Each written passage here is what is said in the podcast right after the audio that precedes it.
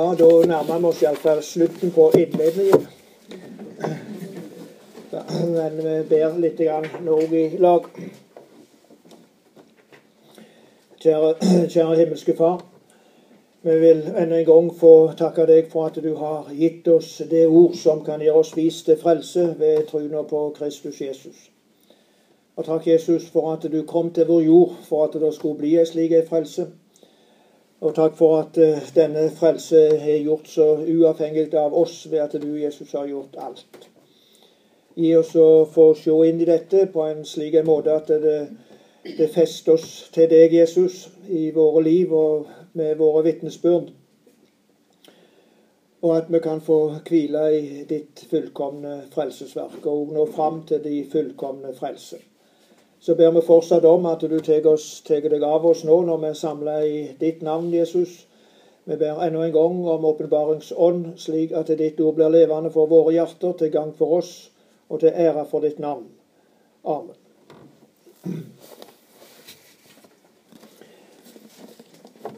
Eh, vi skal bare si et par ting til litt kort før vi går mer nå inn i, inn i kapittel 1. Eh, og eh, nå har vi jo slutten av forrige time, så får vi jo raskt gjennom kapittel 4.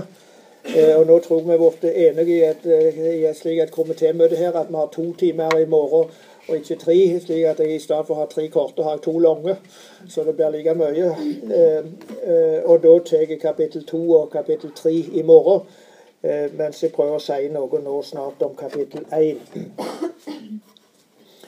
Eh, vi har eh, eh, sagt litt om forskjellige ting som disse pastoralbrevene er opptatt med. Og det synes slik at når disse, disse nå er skrevne, disse brevene, til disse personer og til med det òg til, til menigheter, kirkelyder, forsamlinger som de hadde ansvar for, så var kirka kommet over den første etableringsfasen og den første nokså umiddelbare veksten. Eh, og med det hadde fått tak på og fått undervisning i de mest eh, grunnleggende ting i truna og de mest grunnleggende ting i læren. Men så måtte da disse forsamlingene ordnes og bygges videre og festnes i dette som de hadde lært og opp, hadde nå fått seg forkynt. Eh, og da måtte den sunne lære sikres, eh, og, den, eh, og vranglæra måtte da tas oppgjør med. I kapittel 3 i dette andre brevet så sier Paulus om, om Timoteus etter han har fortalt om noen som har svikta på ulike måter, så sier han men du, og det er et uttrykk som går igjen noen ganger i, i, i disse brevene, men du, altså til, til, forskjell for de andre, så er det noe annet med deg, Timoteus. Men du har fulgt meg i lære, i ferd, i forsett, i tru, i tålmod, i kjærleik, i forfølging. I langmodig forfølging, så er det nevnt. Du har fulgt meg i lære. Eh, og så sier han etterpå det at, eh, at, det som han har lært og er, er overtydd om, det skal han bli varende i. Og så heter det med, med tanke på de hellige skrifter i vers 16 Hele Skrifta er innanda av Gud og nyttig til lærdom, til overtyding, til rettledning osv. Og det er jo ganger, når det er sagt både hva, hva Timoteus har fulgt Paulus i, så begynner det med lære, i lære. Og når det er sagt hva Skrifta er nyttige til, så begynner det med til lærdom. Eh, for eh, med det så legges grunnlaget altså for disse andre ting. Og siden disse ting er så, eh, så viktig, så gjelder det òg da å få tatt oppgjør med det som er av vrang lære. Og det har jeg nevnt på, og det heter òg i kapittel 6 i det første brevet, fra vers 20 og 21, de to siste verser i dette brevet, første brevet. Timoteus, ta vare på det som er overgjevet til deg. Vend deg ifra det vanhellige, tomme snakket og innvendingene fra den kunnskapen som med urette blir kalla så. Somme har vedkjent seg den og har fare vilt fra trua. Nåden være med deg. Eh, denne kunnskapen som med urette blir kalt slik, står det. Eh, det er ikke så lett helt nøyaktig å vite hva type vranglære det var snakk om her i, i, i denne sammenhengene, og som, som eh, Paulus advarer imot. Disse som levde i det, de forsto nok han sa. Men for oss i etterkant så kan det være litt, uh, litt vanskelig å, og vite helt nøyaktig hva det dreier seg om. Men tolkerne er nok stor grad enige om at det gjelder det som en kaller agnostisisme. Agnostisisme det kunne variere litt forskjellig, men det var en form for kunnskapslære. Eh, det var lagt vind på kunnskap av bestemt sort. Men denne kunnskapen den var i stor grad hemmelig litt slik som frimurerne, for å si det slik. Så altså, det skal, skal ikke slippes ut. Det gjelder å holde det seg innbyrdes. Eh, mens her i, når Paulus også skriver Timoteus, så skriver han om dette som han har lært oss som, av Paulus, og som andre har vært vitne til. Det er altså helt tydelig at når Paulus skriver, så legger han vind på at den lære han forkynner, den er åpen. Eh, den er gjort kjent. Den kan folk eh, prøve å forholde seg til. Det er ikke noe hemmelig, noe som du heller skjult innen husets, for, husets fire vegger når en er samla her og bare noen få får del. Men òg dette altså, som ble sagt, den kunnskapen som med urette ble kalt så. Det vil si at det er egentlig den falske kunnskap det, det dreier seg om. Og mange ganger så er det omtalt som tomt snakk, rett og slett. Det er ikke noe hold i det. Og de er opptatt med uvesentlige ting. Det kan være dager og måneder, og det kan være ettertavler og forskjellige ting som de er opptatt med. De, de, de, de får et feil fokus. Det dreies vekk ifra det som er, er sagt om eh, eh, Som gjelder selve evangeliet. Eh, Olaf Hagesæter, som jo var biskop her i dette eh, området i, gamle dager, hadde han altså sagt. Den tid vi var lærer på Jørpeland og Husagan og holdt foredrag for oss en gang der. Eh, han eh, har skrevet en god kommentar til pastoralbrevene. Og der skriver han med tanke på, på dette med, med vranglære at det kunne være i gnostiske kretser, ja, så sier han man søker andre muligheter for å finne samfunn med Gud enn den som evangeliet peker på.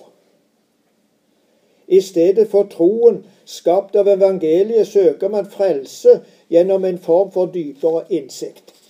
Men jeg synes den der setningen man søker andre muligheter for å finne samfunn med Gud enn den som evangeliet peker på. Det er en nokså sammenfattende setning eh, egentlig for all type vranglære. At det egentlig går ut på å finne noe annet til frelse enn det som evangeliet lærer oss. Nå er det også slik at i tillegg til dette tomme snatchet som de førte med seg, så var det òg moralsk forvirring som eh, disse, denne vranglæra tydelig førte med seg. Eh, I kapittel tre, i begynnelsen der, så er det nevnt opp en god del synder. Eh, og Jeg skal komme tilbake til det i morgen kveld.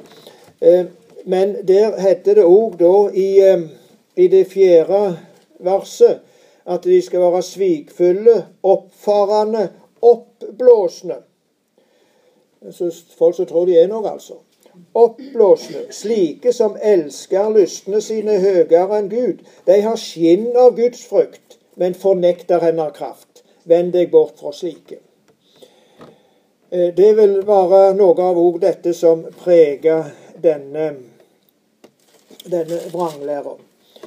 Eh, eh, når Paulus òg skriver om disse ting, og med tanke på å ordne gudstjenesten, og det kristne forsamlingslivet, så eh, nevner han jo dette med innsedje eldste, som vi har nevnt. Og så bare tar jeg med en ting som òg nokså sikkert er sagt med tanke på, eh, på forsamlingslivet, og hva som skal skje der. Når han i andre Timote, det første brevet, i kapittel to, skriver i starten eh, Framfor alle ting formaner jeg derfor at det blir gjort bønner, påkallinger, forbønner og takk for alle mennesker, for konger og for alle som er i høg stilling, så vi kan leve et stilt og rolig liv i all gudsfrykt og gode seder.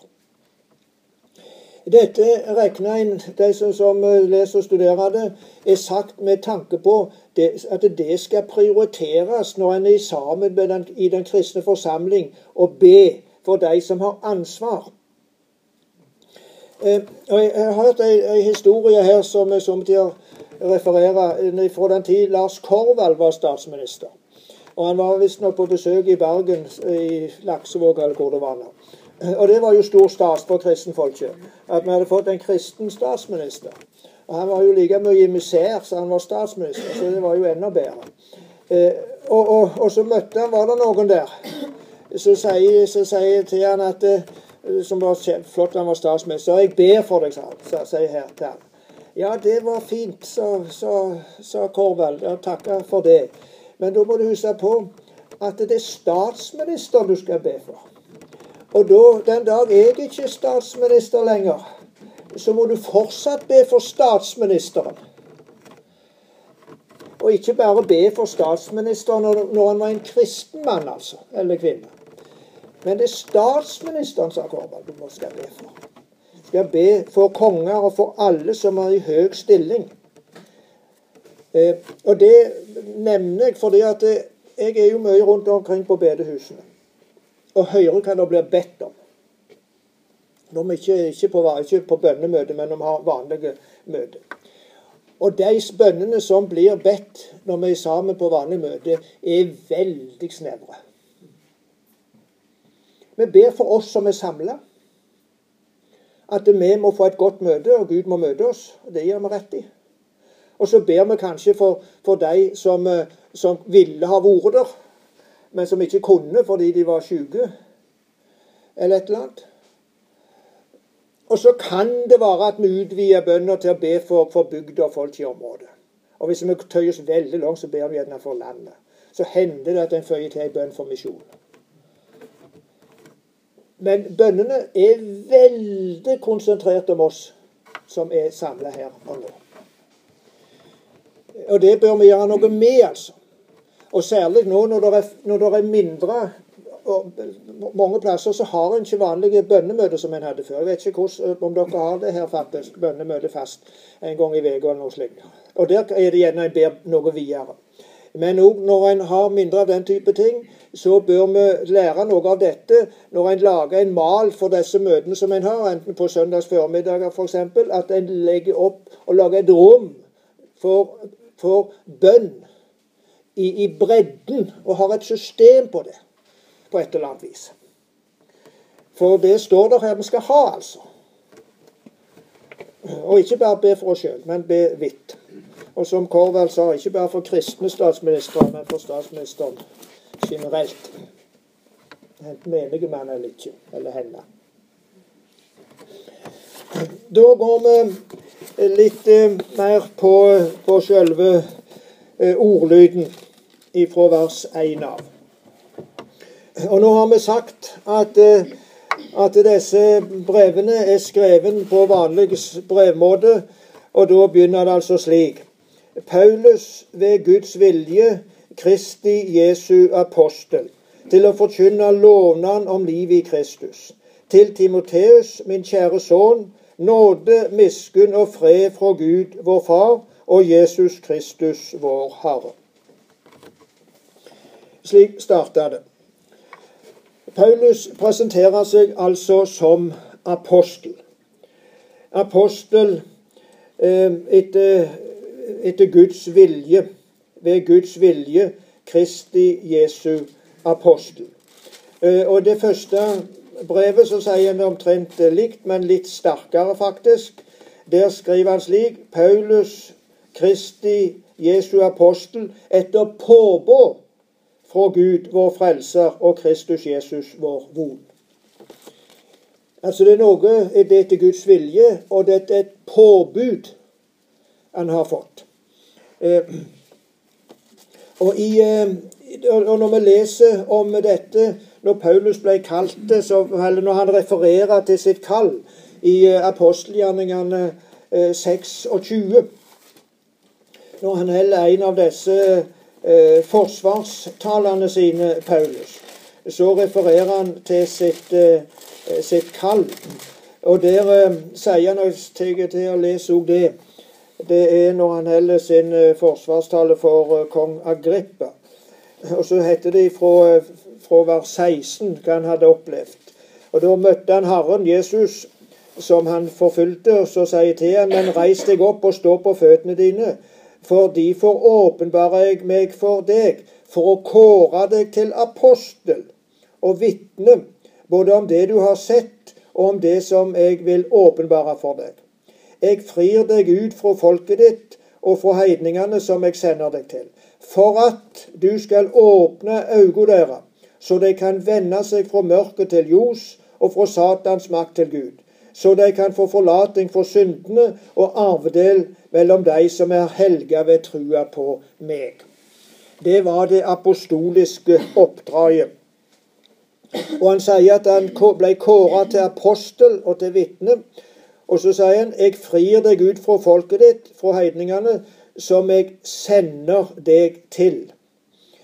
Eh, at han, Dette ordet å, å, sende til, det sier jo at det er en utsending. Og han, eh, John eh, Stott han skriver at der, når det står 'Jeg sender deg', så er det brukt dette ordet apostel. 'Jeg apostolerer deg', står det når han sender. Jeg apostolerer deg. Altså, jeg, jeg, du er med en utsending som apostel. Altså, det er et, et sendingsbegrep så sterkt at han kan si 'jeg apostolerer deg' når han sender deg ut. Denne, dette, og dette understreker jeg litt nå, altså. At Paulus er apostel. Det vil si, han er ikke en vanlig emissær. Eh, og han er ikke en vanlig eh, teolog, heller ikke med noen doktorgrader eller noe slikt. Han er ikke en vanlig kirkeleder. Det er jo somme tider vi sier at eh, den største teologen i oldkirka var Paulus, sier vi somme tider. Og det er jo i og for seg rett, for det var jo ikke noen større. Men det blir samtidig feil. Fordi at da, da sitter vi en apostel liksom og sammenligner en apostel med, med vanlige teologer eller kirkelærere. Og det blir feil. For apostlene var altså i en, i en klasse for seg. Eh, I, eh, i, Galat, i brevet til, til galaterne så sier Paulus noe som forklarer oss eh, litt om dette.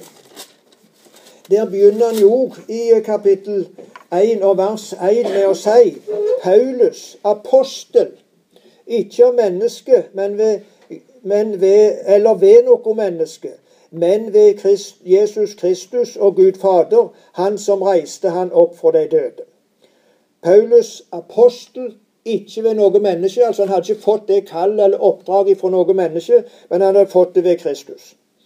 Og så sier han litt lenger ute fra vers 11.: Jeg kunngjør dere, brød, at det evangeliet jeg har forkynt, ikke er menneskeverk. Heller ikke har jeg mottatt det eller lært av noe menneske, men ved Jesu Kristi åpenbaring. Og det er det som er å være apostel. Å ha fått sitt budskap som og ved åpenbaring. Det får ikke du og meg. Vi har fått åpenbaringen og kan lese åpenbaringen i Skriften. Det kunne ikke Paulus og apostlene.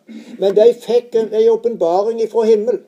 Og jeg har sikkert eh, sagt noe av dette som jeg nå sier her på, i, i Årdal før. Men jeg sier det opp igjen i så fall. For dette, dette er så viktig å holde fast på hva en apostel er. og hva åpenbaring er. Eh, det er det viktig til alle tider, og det er særskilt viktig i vår tid. Fordi disse apostlene blir underkjente i vår tid. De blir liksom sett på som, eh, som andre som, eh, som, hadde fått et budskap fra Gud på sett og vis, og så, og så driver en og vurderer og bedømmer om det som de da lærer, er forpliktende for oss eller ikke. Slik har en ikke tenkt om apostlene før. Da har en tenkt at det de lærer, det er Guds ord som er forpliktende. Og når Paulus da sier at han ikke har lært dette av noe menneske, men han har fått det ved Jesu Kristi åpenbaring, så sier han egentlig det samme som også de andre apostlene. Når uh, I den, uh, den, bok som jo bærer navnet åpenbaring, Johannes' åpenbaring, den begynner som kjent slik ikke med, begynner ikke med, med Johannes' åpenbaring, men den begynner slik Jesu Kristi åpenbaring, som Gud gav han for at han skulle syne tjenerne sine det som snart skal hende. Og så Han sendte engelen sin med båt og kunngjorde de tegn for tjeneren sin Johannes. Og så han forkynte videre. Det dreier seg om Jesu Kristi åpenbaring. Det vil si et budskap, en kunnskap, som stammer fra Jesus, og som er sendt oss ifra ham. Og Derfor sier vi det enkelt slik Åpenbaring, det er dette. At Gud i himmel, han har en kunnskap som vi på denne jord ikke har. Gud sitter med en kunnskap i sitt hjerte som vi på denne jord ikke har. Men som vi har behov for. Fordi at den kunnskap som Gud har, den forteller oss hele historien om hele tilværelsen.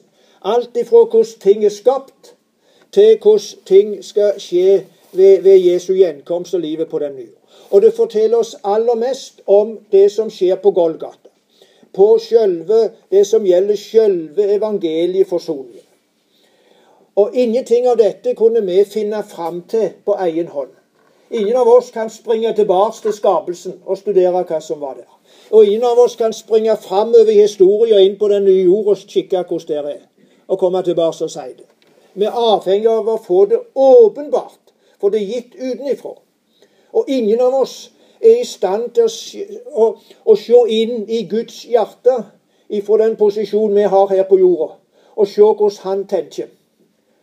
Og, han, og, og se inn i, inn i forholdet i den treenige Gud, hvordan de har vært enige om selve frelsen. Vi må få det åpenbart. Vi må få en, gitt en kunnskap utenifra og inn på vår jord.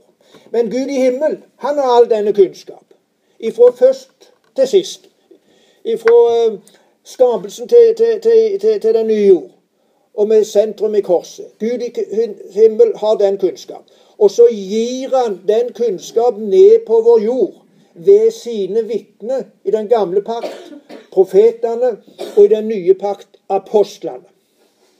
Og med det så får vi den kunnskap som Gud har, som åpenbaring. Og det er det, det å være apostel. Det å være apostel, det å være en slik en åpenbaringsformidler. En åpenbaringsbærer som bærer denne kunnskapen ifra Gud og inn til oss. Og det har de gjort ved å la den kunnskap bli skrevet ned i denne bok, slik at vi har den nå. Og da trenger vi ikke noen nye åpenbaringer. Om jeg heter Johannes aldri så mye, og har vært på Patmos og så de samme hullene som min navnebroder, så fikk jeg ingen åpenbaring der i denne hulla på Patmos. Og ikke trong jeg det heller, for menneskeslekta trong det ikke. Fordi den hadde vi allerede fått med min navnebroder Johannes. Og vi har det her og kan lese det. Jeg har somme tider tenkt jeg skulle reise tilbake til, til Patmos og så det noen veger oppi den hullet og leser Johannes' åpenbaring og skrevet i bok. Det var en fin plass å gjort det. Men jeg hadde ikke gjort noe mer åpenbaring ut av det. Men jeg kunne gjerne fått trengt mer inn i den åpenbaringen vi har fått. Si det en gang til. Åpenbaring er dette. Gud i himmel har en kunnskap som vi trenger, men som vi er ikke i stand til å finne fram til sjøl. Og så gir han denne kunnskap ned på vår jord ved apostlene. Og derfor er, er, er den, det apostlene forkynner, Guds ord. Med samme autoritet og virkekraft som i Gud sjøl. For han er ett med sitt ord. Og Dette understreker Paulus i alle disse brevene sine når han skal presentere seg. Så presenterer han seg altså ikke som teltmager, men han presenterer seg som apostel for å få fram at det nå kommer der et åpenbaringsvitnesbyrd i, i, i det som jeg nå sier. Og denne åpenbaring eh, den var jo for Paulus en del i særlig grad dette at han skulle uh, være hedningene sin apostel og syte for at hedningene fikk del i denne åpenbaring og fikk del i selve evangeliet. I Efeserbrevet så sier han jo dette i kapittel 3. Derfor bøyer jeg mine kne, jeg Paulus, som har blitt Jesu Kristi fange for deres skyld. Det er hedninger. Og det er oss. Vi er jo hedninger. Alle som ikke er jøder, er hedninger. Så sant det har hørt om hushallet med den Guds nåde som er gjeven til meg for dere. Ved åpenbaring har Han kunngjort løgndommen for meg, slik jeg ovenfor har skrevet det med få ord. Når det leser det, vil de skjønne hva innsyn jeg har i Kristi løgndom. I farne tidsaldre var han ikke gjort kjent for menneskeborna, såleis som han nå ved anden har blitt åpenbare for hans hellige apostler og profeter. At heidningene er medarvinger, de hører med til legamen, og de har del i lovnadene i Kristus Jesus ved evangeliet. For dette evangeliet har jeg blitt tjener gjennom den nådegåva fra Gud som jeg har fått ved at Hans kraft verker i meg. Jeg, den minste av alle de hellige, har fått den nåden å forkynne heidningene evangeliet om den uransakelige rikdommen i Kristus. Og opplyse alle om hvordan husholdet er med den løgndommen som fra evige tider har vært løgn til Gud, Han som skapte alt ved Jesus Kristus. Det er altså noe som har vært løgn skjult i Gud, som nå ved Paulus er åpenbart gjort kjent, slik at det ikke er en hemmelighet lenger. Ikke noe som er skjult lenger, men er åpenbart slik at vi eier den rette kunnskap og kan ta imot dette i tru.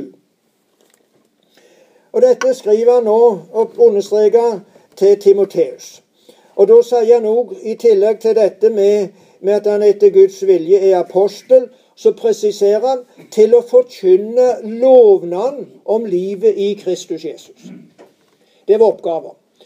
Og det leser vi nå i Efeserbrevet. Hvordan han skulle forkynne dette løftet som var i Kristus, òg til hedninger. Til Timoteus, min kjære sønn, nåde, miskunn og fred fra Gud, vår Far, og Kristus Jesus, vår Herre. Han begynner altså, når han skal gi et nådeønske, et godt ønske, med nåde, miskunn og fred fra Gud. Og dette er knytta til Kristus Jesus. Nåden, det er selve utgangspunktet for alt. Og det skal jeg komme tilbake til snart. Og det er selve orienteringspunktet for alt. Og det er evangeliet egentlig i en sum. Og som han eh, sier stått her en plass, at evangeliet det er ikke bare et tilbud, men det lover oss liv i Kristus.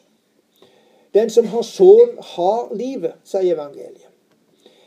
Altså Det er ikke bare et tilbud om, om liv, men det sier til den som har sønnen. Det er et løfte om liv i Kristus. Så fortsetter han med å si noen ting til, til Timoteus som vi bare nå leser uten å si mye om dem. Litt har vi vært innom. Fra vers 3. Jeg takker Gud, som jeg alt fra forfedrene mine tjener i et rent samvitt, når jeg stadig kommer deg i hug i bønnene mine, natt og dag. Når jeg minnes tårene dine, lengter jeg etter å se deg att, så jeg kan verte fylt av glede. For jeg har blitt minnet om den ærlige trua di, den som først bodde i Lois, mormor di, og i mor di Eunike, og som jeg er viss på bor i deg òg. Derfor minner jeg deg om at du kveikjer opp at den nådegave fra Gud som er i deg, etter at jeg la hendene på deg. For Gud gav oss ikke ei ånd som verker motløse, men ei som verker kraft og kjærleik og visdom. Skam deg derfor ikke ved vår, vår Herres vitnemål, eller ved meg, fangen hans, men liv vondt sammen med meg for evangeliet Guds, Guds kraft. Slik sier han til Timoteus. Bare en liten kommentar til dette vers 5, som jeg synes er et eh, flott vers med tanke på den kristne familien særlig. For jeg har blitt minnet om den ærlige trua di, den som først bodde i Louis, mormor di, og i mor di Eunike, og som jeg er viss på bor i deg òg. Tru kan jo ikke gå i arv, men det kan formidles til et budskap slik at det truna skapes. Jeg vet ikke meg selv om jeg har fortalt det som du har hørt, men jeg eh, forteller det nå. Eh, når du studerte i, eh, i Bergen, så var det en gang du var på det som du kalte delegruppe. Eh, kalte vi det før i gamle dager. Og da ringte du hjem til en farmor, som det var for, for deg. Og så sier du noe slikt til denne farmor. Jeg vil at du, farmor Nå er jeg på en delegruppe, og forsto jo hva det dreide seg om, farmor. Og nå snakker vi om såmann, så lignelsen om såmann og dette. Og jeg vil bare si, farmor, at det er du som har vært såmann i mitt liv. Og du hadde, hadde ikke lagt på telefon før mor, som var for meg, da, ringte til meg. Og jeg hørte jo tårene rant i andre enden av telefonen.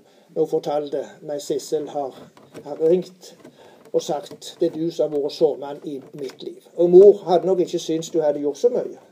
Men hun hadde nok putla litt inniblant og bedt og gitt noen forskjellige ting og hjelp til. Men det er et eksempel på dette. Det kan være en mor. Det kan være en mormor. Det kan være en far. Det kan være en farfar. Og Noen ganger så går det hopper det over en generasjon. Der en ikke får det i sin egen familie med mor og far, men der det er bestemor, en mormor, en morfar, som formidler. Den tru som har bytt i i, i mor di og i mormor di. Det er et veldig flott vers, det der.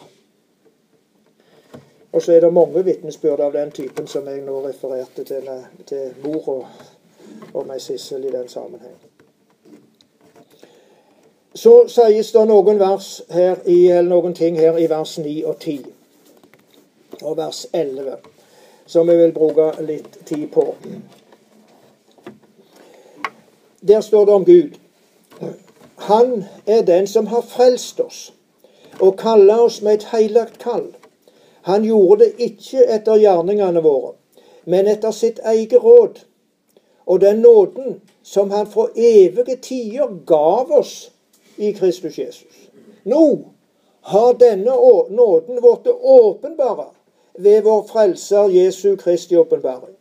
Han har gjort døden til innkjøp og ført liv og uforgjengeligdom fram i Josef evangeliet. Og ved det er jeg sett til forkynner og apostel og lærer for heidningene.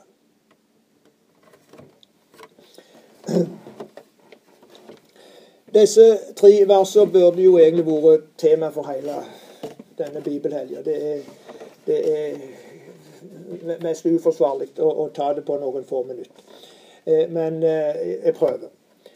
Der står det altså om Gud. Han som har frelst oss og kaller oss med et hellig kall. Slik umiddelbart så kunne vi tenkt det, det her skulle det stått motsatt vei. Han som har kalt oss og frelst oss. Det er jo slik vi opplever det, ikke sant? Vi får et kall, og så blir vi frelste.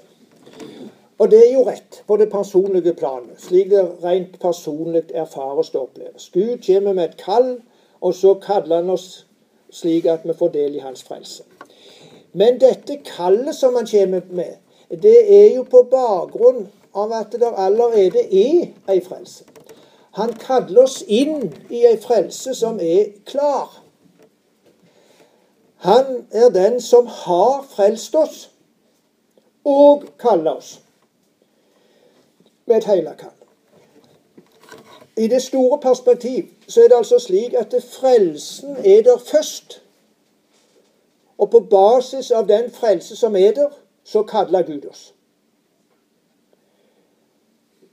Og når det heter 'Han gjorde det ikke etter gjerningene våre', så har jo det er jo noe som ofte understreker for hverandre og sier altså dette er ufortjent. Det er ikke, vi er ikke frelste pga. våre gjerninger. Eh, tvert om, for tvers, på, på, tross av våre gjerninger. Eh, vi har ikke gjort oss fortjent til noe som helst. Og alt dette òg er, er, rett. Ikke pga. våre gjerninger. Men når det står her dette, at det ikke er pga. gjerningene våre, eller etter gjerningene våre, så ligger det på et dypere plan enn det som bare går på det rent subjektive i dette.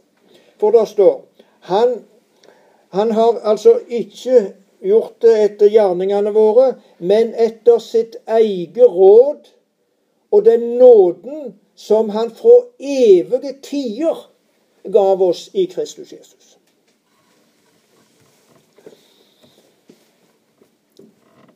Han har gjort altså dette som har med vår frelse å gjøre, fullstendig suverent sjøl. Helt utenom oss og vår medvirkning. Han har gjort det etter sitt eget råd. Han har altså ikke rådspurt oss om å få, få lov til å gjøre dette. Han har ikke søkt råd ikke noen annen enn ikke seg sjøl, Gud.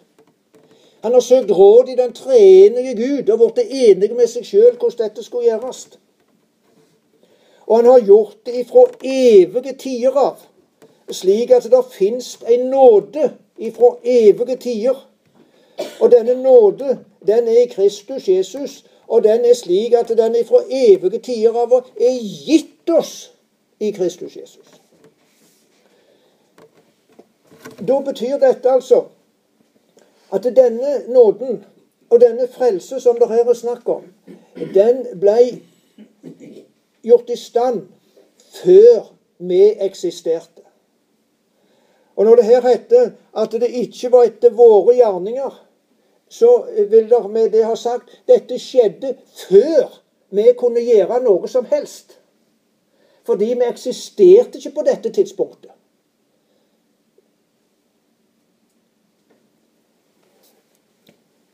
Vi kunne ikke be Gud om å gjøre noe, for vi eksisterte ikke. Vi kunne ikke bidra med noe. Men vi kunne ikke heller ødelegge noe. Fordi vi eksisterte ikke. Hele frelsen ligger bakenom det tidspunkt menneskeslekta ble skapt. Og Derfor er den så sikker. Og derfor er den, alt som har med frelsen å gjøre, et så suverent gudsverk. Det er dette som ligger i det som vi kaller for utvelgelsen. Og La oss eh, derfor eh, gå litt inn i det. Fordi dette med utvelgelsen er ofte noe som vi synes er vanskelig. Men dette som gjelder utvelgelsen, og det som vi taler om nå, det skal lære oss dette, at frelsen den hviler aleine i Guds eie råd ifra evighet av i Kristus. Og Derfor er vår frelse så sikker. Og Derfor er det ei frelse å kalle oss inn i. La oss uh, gå litt til Efeserbrevet. Og nå skal vi oss den ting at midt oppi dette som vi opplever som noe problematisk og vanskelig å tankemessig få tak i knyttet til utvelgelsen, så er det slik at når det er talt om disse ting, om utvelgelsen og Guds evige råd og disse ting, så er det alltid talt om det med tanke på frelse. Dette hører inn under evangeliet. Det er aldri talt om om Guds evige råd og om utvelgelsen med tanke på fortapelsen. Aldri. Det er alltid knytta til frelsen. Fortapelsen hører under loven. Mens utvelgelsen og frelsen hører under evangeliet. Og Derfor skal vi alltid lese alle disse ting i evangeliets lys. Og lese og ta det til oss ut ifra denne innfallsvinkel, at det taler om hva Gud har gjort til vår frelse, og hvordan han har gjort dette ut ifra sin egen person som Gud i alle ting. I Efeserbrevet 1 så står det jo ifra vers 3.: Lova være Gud, vår Herre Jesu Kristi Far, Han som har velsigna oss med all åndelig velsigning i himmelen i Kristus Jesus. Det er det som skal sies noe om i Efeserbrevet. Om denne all åndelige velsignelse, som altså er i himmel. Og den er i himmel i Kristus. Og det er denne som er det gjelder for oss å se. Og det er ikke så lett å få se han altså, fordi at han er i himmel. Og han er i Kristus. Og derfor må han altså åpenbares for oss inn på vår jord. Men så skal det sies noe om hva som ligger i dette. For i Han har Han valgt oss ut før grunnvollen til verden ble lagt, så vi skulle være hellige og ulastende for Hans åsyn. Han har valgt oss ut altså før verdens grunnvoll ble lagt. Det vil si, han startet opp sitt frelsesverk og bestemte alle ting som gjelder vår frelse, hvordan det skulle være i Kristus. Det gjorde han før han satte i gang å skape denne, denne verden. Og alt er skapt i lys av det. Og derfor er alt skapt ut ifra denne innfallsvinkel at det skal høre Kristus til alt. Og når det så kom vekk ifra Kristus ved syndefallet, så satte han frelsesplanen i verk for at det som var skapt for å høre Kristus til, kunne høre Han til. Og det skjedde i lys av dette at det var en utvelgelse i Kristus før verdens grunnvoll ble lagt. Og så tar vi med noen av disse uttrykkene som er brukt ned gjennom. Bare hoppe litt ned i Feserbrevet nå. I vers 5 heter det I kjærleik har han føreåt etter oss til å få barnekår hos seg ved Jesus Kristus. Etter si rådgjør av egen fri vilje. Før han gjorde noe som helst annet, så tenkte han til at vi skulle få barnekår. Og den tenkte dette ved, ved Kristus. Etter si rådgjør, altså at han rådslo med seg sjøl, Gud, av egen fri vilje. Det er bare én person i hele tilværelsen som egentlig har fri vilje, og det er Gud. Han kan gjøre akkurat det han vil. Jeg hører nettopp et sitat eller referert av Ola Hallesby. Han hadde visst som sin hovedtekst, sitt kjæreste tema, en setning en eller annen plass fra salmene, der det står at Gud gjør det han vil. Gud gjør det han vil. Og etter sin egen frie vilje så valgte han å lage ei frelse knytta til Kristus. I eh, vers 9 da han kunngjorde oss løgndommen om sin vilje etter sitt frie råd, som han hadde føresett, føråt fastsett hjå seg sjøl. Legg merke til hvordan alt knyttes til, til, til, Gud og bare til Han når det gjelder frelsen. Og i vers 11 eh, I Han har vi òg fått del i arven etter at vi føråt var etla til det etter hans forsett, som sett alt i verk etter sin viljes rådgjør. Og Når vi leser slike vers, så eh, blir det jo temmelig tydelig han gjorde det ikke etter gjerningene våre. For de gjerningene eksisterte ikke på dette tidspunktet. Han gjorde det etter sine egne gjerninger og etter sin egen tanke. Og så fantes det med det en nåde ifra evige tider av i Kristus.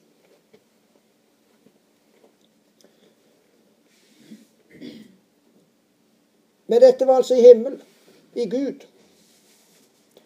Og skulle det bli til frelse for oss, så måtte det skje noe mer, nemlig dette. Nå har denne nåden blitt åpenbare ved vår Frelser Jesu Kristi åpenbaring.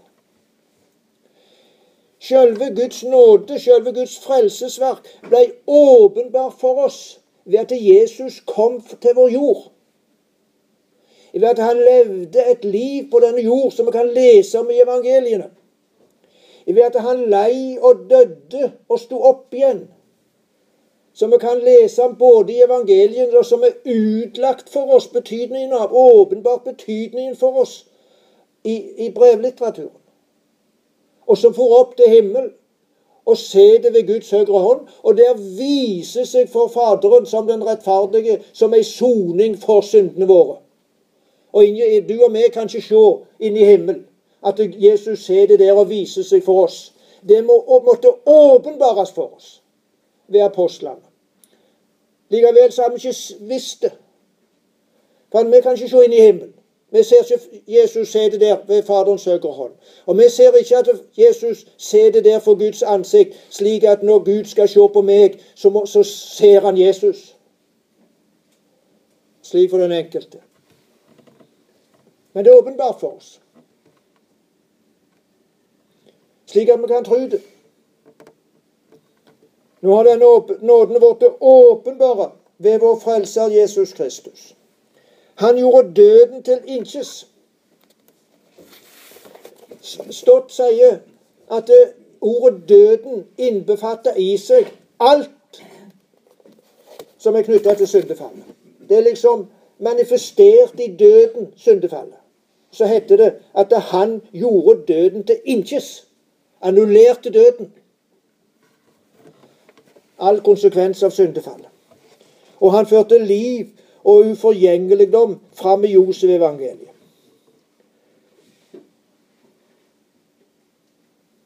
Og for da det neste Og ved det er jeg sett til forkynner og apostel og lærer for hedninger, sier Paulus.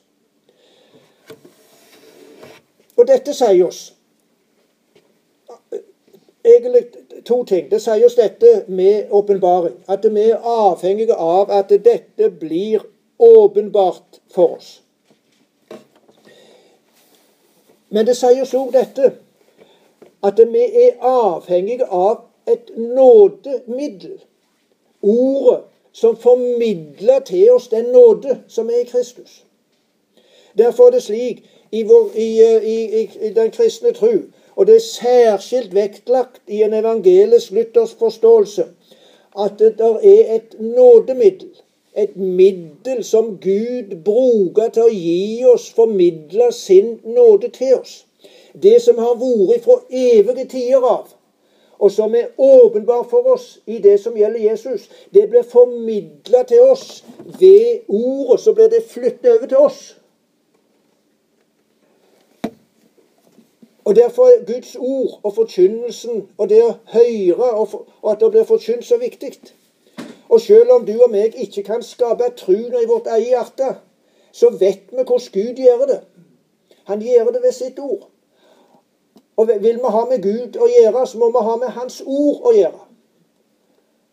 Og Derfor vet vi hvordan vi skal forholde oss, og hvor vi skal søke. Og hvor Gud gjør sin gjerning. Han setter Paulus til apostel og forkynner. Og så har han ikke sett apostler inn i vår tid, men han har sett noen av oss til å forkynne. For at dette skal gis den åpenbaring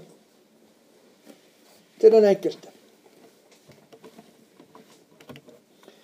Og så blir da denne nåden åpenbart og gjort gjeldende for oss. Jeg har vel kanskje vet du, Jeg har preikt så mange ganger i Årdal at jeg preiker opp igjen det samme. Jeg er klar over det, men dere trenger noe repetisjon. Eh, eh, jeg har sikkert gjort denne her min flotte bevegelse før eh, og forklart hva nåde er. Men jeg tar det opp igjen. Nåde er det en et, et, et, Hvis en skal omsette ordet nåde i en setning, så betyr nåde at den større bøyer seg med velvilje og vennlighet mot den ringere.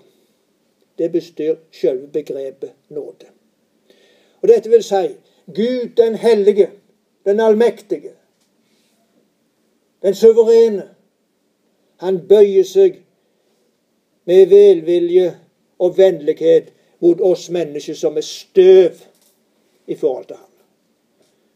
Som er ugudelige, som er syndere og hans fiende. På hva vis gjør han det? Jo, i Kristus. I det Jesus kommer ned til vår jord, så bøyer Gud seg i Kristus med velvilje og vennlighet imot oss. På hva vis da? Jo, at han bøyer seg så langt ned at han kommer ned unna oss og ned unna all vår synd. Så tar han all vår synd og vår gamle natur og alt i sammen med seg opp på korset. Bærer alt dette opp på korset, der han blir gjort til synd for oss. For å være ett med vår synd, og så soner han vår synd. Det er nåde. Og det er Guds vennlighet. Guds, nåden, det finner vi i Guds ansikt. Nåden, det er det Guds ansikt mot oss i Kristus. I det at han bøyer seg ned til oss og tar vår synd opp på korset og sone den. Og Dette er ikke noe Gud har funnet på slik plutselig, men dette har vært der fra evige tider av i Kristus. Og Derfor kan det altså sies at nåden er gitt oss fra evige tider av i Kristus. Og så er han blitt åpenbar for oss i det som skjer på, på, ved, ved, Kristus og på korset, og som blir forkynt for oss. Ja, nå må jeg jo slutte med å ta pittet her ifra det neste verset. Derfor er det jeg òg li dette men jeg skammer meg ikke ved det, for jeg veit hvem jeg tror på. Og jeg er viss på at Han er mektig til å ta vare på den skatten som er tiltrudd meg, til dagen kommer. Ha til føredømme de sunne orda du har hørt av meg, i tru og kjærleik i Kristus. Ta vare på den fagre skatten som er tiltrudd deg ved Den hellige ande som bor i oss. Her er det talt om en fager skatt, som er sjølve evangeliet som er sjølve frelsen. Og den sier Paulus først. Jeg er, jeg er sikker på at Gud er i, i, stand til å ta vare på denne skatten. Og Så sier han etterpå at, at Timoteus skal ta vare på denne skatten, som Gud skulle ta vare på. Det kunne jo virke litt merkelig. Men det er et vers imellom der det står 'ha til føredømme, til modell, til prototype' de sunne ord du har hørt av meg. Sjølve evangeliet, den fagre skatten, den ligger i, den, i de sunne ord, i den sunne lære. Det som Gud forkynner oss og åpenbarer oss. Og det vil Gud ta vare på. Og i det vi tar imot og tar vare på dette ordet, så tar vi òg vare på skatten.